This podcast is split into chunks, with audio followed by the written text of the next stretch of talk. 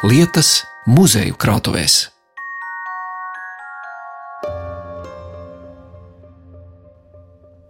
Mums visiem ir tikai viena izēja - censties nezaudēt garīgo līdzsvaru, taupīt savus spēkus un izturēt šī grūtā laika likstas. Jānāk taču gaišākām dienām, kā pēc nakts neizbēgami aust gaisma. Tā savai sievai Mērijai, kura ir izsūtīta uz Novosibirskas apgabala Parabējas rajonu, raksta inženieris Pēters Stakle no Usoļlagas nometnes Molotovas apgabalā. Šos teikumus es izvēlos par virsrakstu raidījumam, kas ir veltīts 14. jūnija deportāciju upuriem. Garīgais līdzsvars un cerība uz gaišākām dienām raksturo stāstus, kurus uzklausīsim Latvijas okupācijas muzejā. Tur kopā ar muzeja galveno krājuma glabātāju Taigu Kokneviču izzināsim Līvānu ārsta Jāņa Šneidera likteni izsūtījumā, laposim viņa piezīmes uz papirosu ietinamā papīra un pētīsim, ko šifrētā vēstulē savai līgavai Ursulai rakstījis Rīgā ieslodzītais vācu karagūsteknis Hans Joachims Gatska.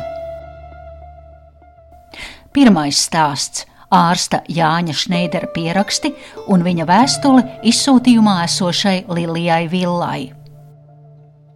Cimdiem rokās jūs verat vaļā plānu aploksnīti, kur ir maz mazītiņa, maziņas pierakstu lapiņas. Mēs tās saucam par doktora Jāņa Šneidera grāmatiņām. Šīs grāmatiņas ir izgatavotas uz divām grāmatiņām, uz divas vāka ir redzams tās ir izgatavotas no papīra, kas bija paredzēts cigaretes uztīšanai. Tur ir uzdrukāts kurīķeļnaja bumāga, kurīķeļnai tātad Jā. smēķēšanas papīrs. Jā. Nedaudz lielāks tas formāts ir par sērkociņu kastīti. Tad bija paredzēts no blociņa izplēš vienu ļoti plānu papīra lapiņu, kā šeit ir redzams, iever sagatavotu tabaku, uztīnu, un ah. tad bezfiltra cigarete Papiros, ir pašgatavota. Jā jums jau ir rokās. Tie lētākie papirosi, kas tolaik bija. Jā, jā jo īstenībā nometnēs faktiski tika augstu vērtēts pat avīžu papīrs, tāpēc, ka tajā brīdī, kad ieslodzītie saņēma kādus sūtījumus no Latvijas, tajā brīdī tas bija iespiedu darbs, to lasīja, tās bija ziņas. Bet arī pēc izlasīšanas tāda veida sūtījums bija ļoti dārgs, jo to atkal varēja pārdot kādiem citiem, ja pats nesmēķēja, tad arī avīžu papīrs tika izmantots kā papīrs cigaretes uztīšanai. Tad mācīties, cik indīga bija šī cigarete. Tipogrāfijas krāsa taču. Jā.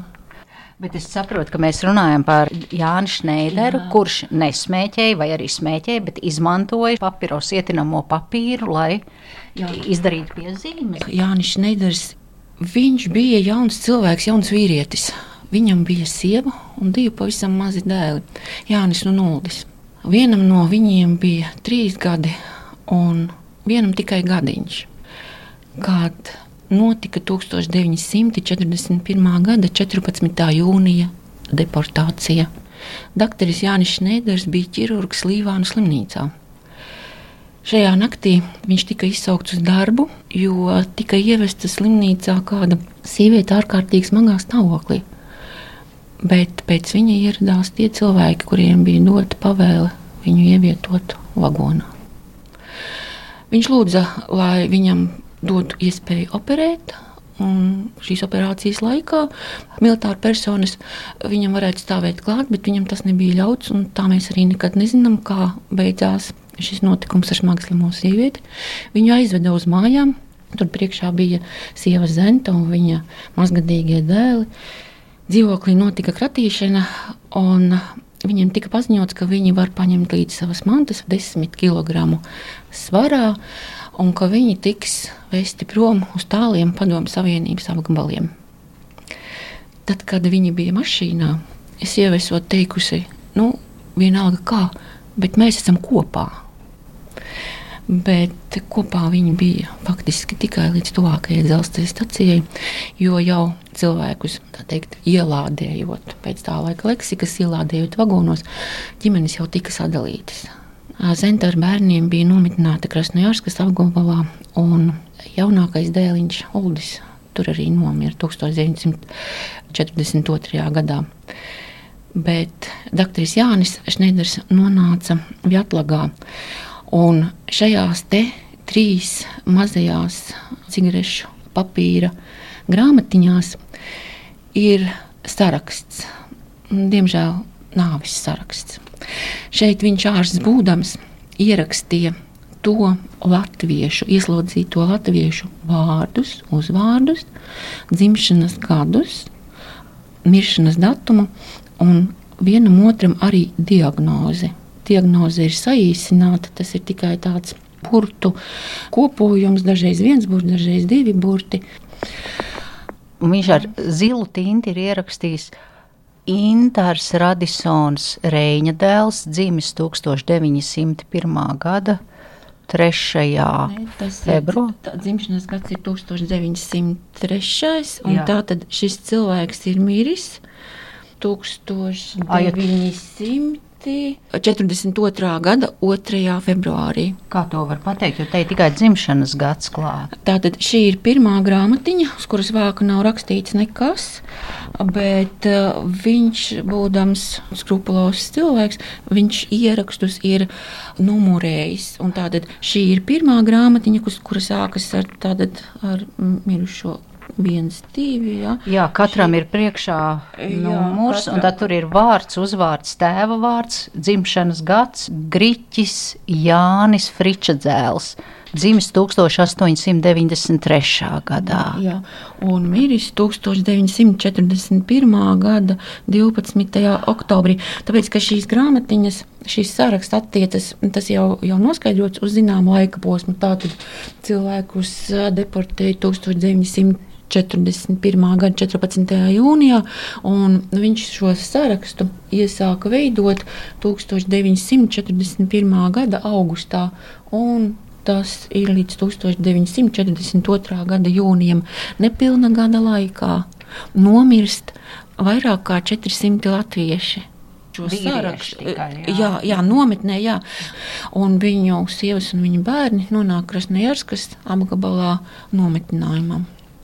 Vai viņa atgriezās Latvijā, viņa sieva un arī viņš? Vai... Jā, jā, jā. Bet, nu, labi, no, viņš nodibināja šeit jaunu ģimeni. Un... Jā, tā tad eh, Zenta kopā ar vecāko dēlu Jāni tika atbrīvota no nometinājuma. 57. gadā, un Jānis Šneiders atgriezās Latvijā 1956. gadā, vienu gadu ātrāk nekā Zenta ar dēlu. Kas ir zināms, kāpēc viņš, viņš to rakstīja, zinot, kā tas var būt, lai pēc tam varētu paziņot tuviniekiem? Jo to taču viņš pats nu, sev rakstīja, nevis to uzdeva nometnes vadība. Protams, viņš to darīja pats. Viņš arī kā ārsts noteikti jūta atbildību ne tikai par sevi, par savu dzīvību, Bet visi ieslodzītie, ne jau tikai ieslodzītie latvieši, bija no nu, zināmā mērā viņa rūpju lokā, tāpēc ka viņš bija ārsts un atbildīgs par viņu veselību. Un tas ir skaidrs zināms, ka ārstiem tādā ziņā bija viegli, varbūt fiziski, jo viņi negāja tajos saucamajos vispārējos darbos. Jā, viņi nezāģēja mežu un nestrādāja raktuvēs.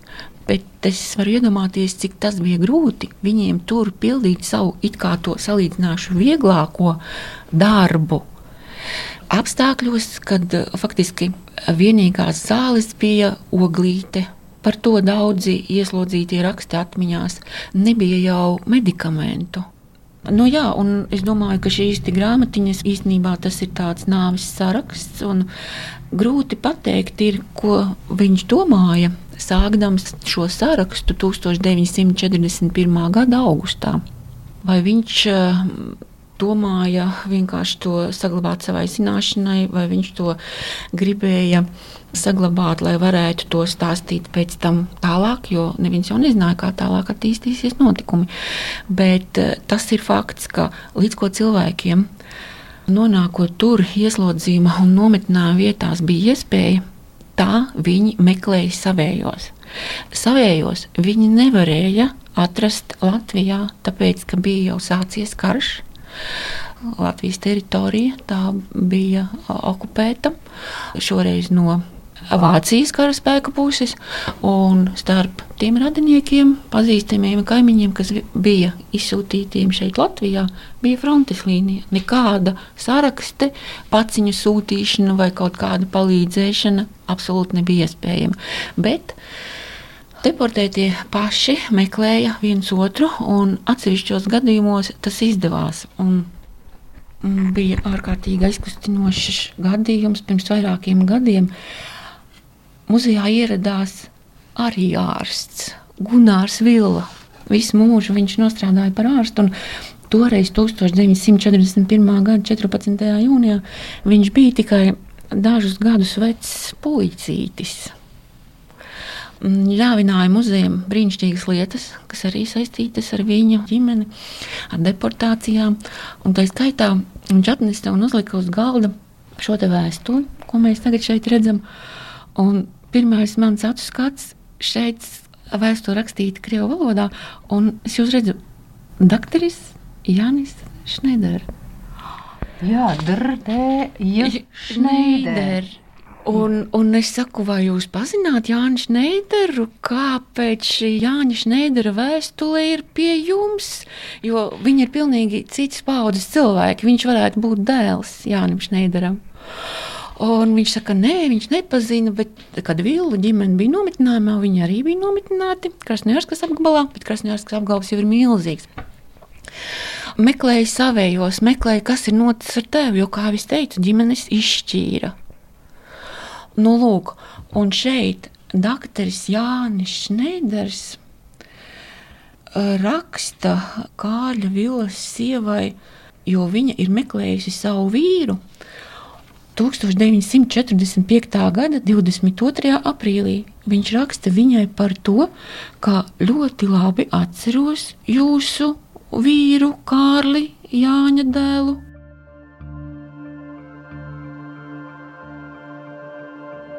Cienījamā Vils kundze, jūsu šā gada 25. marta paskartē gribu dot ātru atbildi.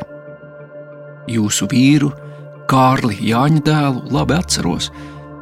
Mēs kopā ar viņu 1941. gada 14. jūlijā pārbraucām šeit, kur es tagad dzīvoju. Pēc mūsu atbraukšanas viņš drīz saslima ar caurēju un atradās slimnīcā mūsu ārstēšanā.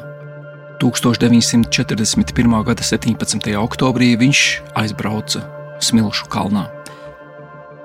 Labi zinu, ka manas rindiņas nesīs jums lielas sāpes bet jūs, tāpat kā visas mūsu drosmīgās sievas, jau četrus gadus esat atšķirtībā pārcietusi daudzas grūtības, un es ceru, ka jūs esat garā stipra un varu ar jums būt atklāts. Novēlu, lai viss augstākais spēks, neatkarīgs no mums, turētu jūsu garu mūžu. Esiet lepna un turiet savu galvu augstu.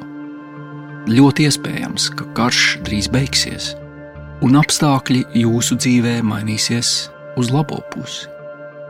Cieši spiež jūsu roku.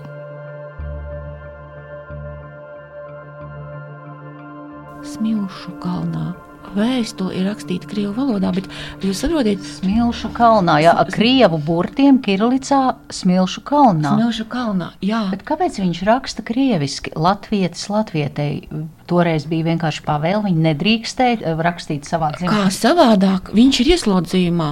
Visas vēstules ir šis te zīmogs, eh, mazliet padzis, bet tur ir teksts prasmotrena военная cenzūrai. Kara cenzūra. Tā kara cenzūra. Nepārprotami, jebkura vēstule no ieslodzījuma vietas vai arī uz nometni tika cenzēta, tika caurskatīta. Šeit mēs redzam, ka nav nekādu cenzūras svītrojumu. Bet dažreiz ir tādas vēstules, kur cenzori ir svītrojuši krietni Un es pieņemu, ka cilvēki izvēlējās rakstīt, nu, varbūt ne tiešā veidā, bet varbūt caur puķiem. Un tādā veidā mēģinot izvairīties no cenzūras svītrojumiem, cerot, ka adresāts ziņu sapratīs. Un es domāju, ka šeit ir nu, tieši tas arī noticis. Smilšu kalnā. Jā, Smilšu kalnā. Šī vēstule tiešām jā, ar kādu cieņu. Tā ir tikai viena tāda neliela lapa, bet tik daudz. Ja? Šī ir arī nu, ne tikai sēru vēsts. Šis vēstules saturs, viņš tomēr ir ļoti tāds, nu, es teiktu, nu, ārkārtīgi. Es domāju, Tad, kad Kāļa Vilas sieva šo vēstuli saņēma, viņai droši vien bija jāzaudē pēdējā cerība savu Kārli kādreiz redzēt atkal dzīvu. Tāpēc, ka lūk, no kaut kādiem citiem avotiem viņa acīm redzot, kad ir doktorim rakstījusi, ja, viņa ir norādījusi, ka Viņa acīm redzot, ir kādas ziņas, ka Kārlis ir vēl 1942. gadā dzīves. Un lūk, šī vēsture tātad pilnībā norāda vai ne uz to, ka jau 41. gada 17. oktobrī Kārlis Vila ieslodzījumā ir miris. Un es domāju, ka bez šo te grāmatiņu palīdzības nekad nevarētu Jānis Šneiders sniegt tik precīzas ziņas, un mēs redzam, pirmajā grāmatiņā ar 55. numuru arī ir Vila Kārlis Jāņa dēls, tāds dzimis 1897. gadā un miris 17. oktobris, tā kā tā ir pirmā grāmatiņa, tad 41. gads. Tad, kad muzejs šīs mazās ietinamā papīra grāmatiņas saņēma, katra tā grāmatiņa bija savīta tādā kā caurulītes formā. Es pieņemu, ka tas arī bija tāpēc, lai droši vien tās grāmatiņas varētu iznest no nometnes, lai tie cilvēki, kuri pārbaudīja mantas, kad viņi no nometnes atbrīvoja, lai šīs te grāmatiņas neradītu iespaidu, ka tur ir kāds rakstīts teksts, ka tas ir informācijas nesējs, blociņš un tam līdzīgi. Gadu pēc Jāņa Šneidera aiziešanas mūžībā, tas ir 1989. gadā, 11. februāra laikrakstā Literatūra un māksla, tiek publicēts minētais ārsta Šneidera saraksts ar izsūtījumā mirušajiem latviešiem. 48 gadus nākušu esam saņēmuši sēru vēsti par savu vectēvu. Tēvs ar pateicību atcerējās ārstu Šneideru par viņam izdarīto operāciju lēģerī un arī par ārsta darbu, ko viņš darīja visu ieslodzīto labā. Lūdzu man paziņot Jāņa Šneidera meitas Irīnas adresi, lai uzzinātu viņas tēva kapa vietu. Vēlētos uz kopiņas uzlikt viskaistākos ziedus, vairāk jau es neko nevaru. Tādas vairākas izsūtīto pēcnācēju pateicības vēstules tika nodrukātas literatūrā un mākslā nākamajā numurā pēc publicētā saraksta.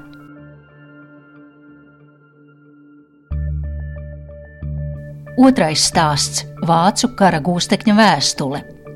Okupācijas muzeja krājuma glabātāja Taiga Kokneviča uz galda novieto lakotu koka rotaslietu cibiņu, kas izskatās rūpnieciski darināta, un līdzās tai ļoti sadzeltējušu papīra lapu, kurā ar zīmuli ir rakstīti nesaprotami ķēburi. Latvijas okupācijas muzeju ir apmeklējuši vairāki vīri no Vācijas. Tie ir vīrieši, kuri kara laikā bija Vācijas armijā, Wehrmachtā. Un viņi krita gūstā, sarkanās armijas gūstā šeit, Latvijas teritorijā, pārsvarā kurzemē.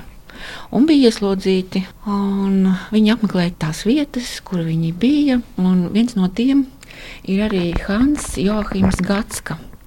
Viņš krita gūstā kurzemē un bija šeit ieslodzīts Rīgā. Viņš ļoti ilgi meklēja to nometnes vietu. Līdz saprata, ka kara gūstekņu nometne, kas bija ierīkota Vācijas armijas karavīriem šeit pēc kara, atradās Rīgā, apmēram tajā vietā, kur tagad ir Latvijas bankas depozitārijas. Nu, lūk, un Hans Joachims Gatska bija šeit ieslodzījumā Kargūstekņu nometnē līdz pat 1949. gada marta beigām. Un šī necelā papīra lapa, kā viņš pats norāda, tad, tā ir tāda galīgi nodzeltējusi, vairāk kārtīgi salocīta papīra lapa. Kā viņš pats norāda, stāsta par savu transportēšanu. Jo tad, kad viņš krita gūstā un nonāca Rīgā, viņam laimējās satikt kādu vācieti, vācu vīrieti, tādu arī bijušo karavīru, kuram bija ārkārtīgi slikta veselība. Tāpēc viņš tika vests tomēr uz Vāciju viņš tika atlaists. Tātad, respektīvi, acīm redzot, no tā ieslodzījuma, jo, jo no viņa nekāda strādnieka nesanākta. Vēl vairāk šis vīrietis izrādījās, ka bija no Hansa Johima Gatskas mātes dzimtās puses, un viņš uzņēmās aizvest vēsturu radniekiem. Šī vēstule izskatās tāpēc tāda, manuprāt, ka atšķirībā no Jāņa Šneidera vēstules, šī ir pilnīgi neoficiāla. Tas cilvēks, kurš bija slims, viņš visu laiku šo saliocīto papīra lapu turēja pie sava ķermeņa, lai viņu neatņemtu. Neskatoties to, ka es esmu mācījusies vācu valodu, es arī nevaru izlasīt vairāk nekā tikai Gelībte Urzula. Lībe Urzula, jo šī ir Urzula, jā, jo šī vēstule 1945. gada 3. jūlijā no Rīgas ir rakstīta Līgavai. Šī ir pirmā ziņa, ka viņš vispār ir dzīvs un ka viņu var gaidīt mājās kaut kad. Pārējās vēstulēs viņa rokraksts ir pilnīgi kaligrāfisks. Tāpēc es pieņemu, ka šo vēstuli viņš rakstīja speciāli tā, lai atkal ja nu tam karavīram kuram bija uzticēts vēstule aizgādāt uz Vāciju, šo vēstuli tomēr atņem, lai nezinātājs šeit faktiski neko nevarētu izlasīt. Es zinu, ka šo vēstuli tādu ir parakstījis Hans. Johims Gatska, bet faktiski šeit apakšā ir tikai tādi burtiski ķeburi. Ja? Bet man liekas, ka šī vēsture ir rakstīta mīlestības valodā. Un Ursula visu saprata.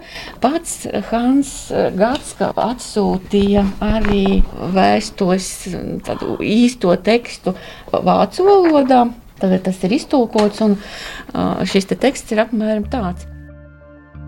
Ja šīs rindas kādreiz tevi sasniegs, padomā par katru vārdu, ko izlasīsi jo es tos izvilku no dzeloņa stiepļu muģekļa. Manas domas tagad ir nedaudz saplosītas, bet neskatoties uz visiem šiem laikiem, tās vienmēr ir ar tevi, ar manu mazo mīļoto Ursulu. Lai tas kungs dod mums atkal redzēšanos, dārgā Ursula, un tad mēs viņam kopā lūgsim, lai viņš nekad vairs neļautu saulē aiziet. Es esmu ar jums no visas sirds, katru stundu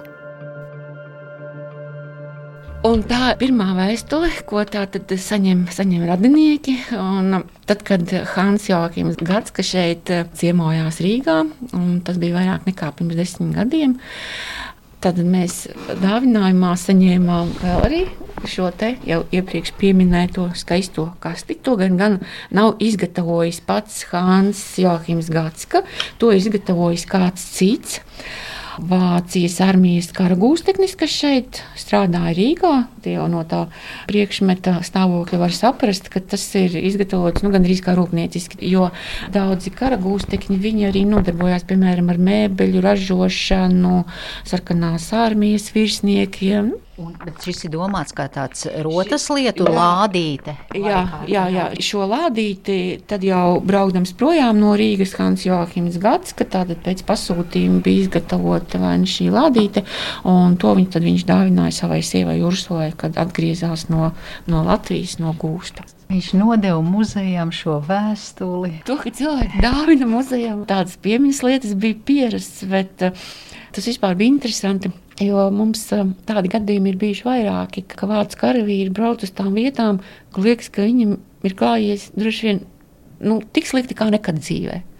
Bet redziet, kā viņi grib uz šejienes atgriezties. Es domāju, ka tur arī ir tas, nu, neskatoties uz visu, viņi šeit ir izdzīvojuši, viņi ir no tām nometnēm atbrīvoti, izcietuši, bijuši pietiekami stipri gan fiziski, gan noteikti pirmkārt jāsaka psiholoģiski, garīgi.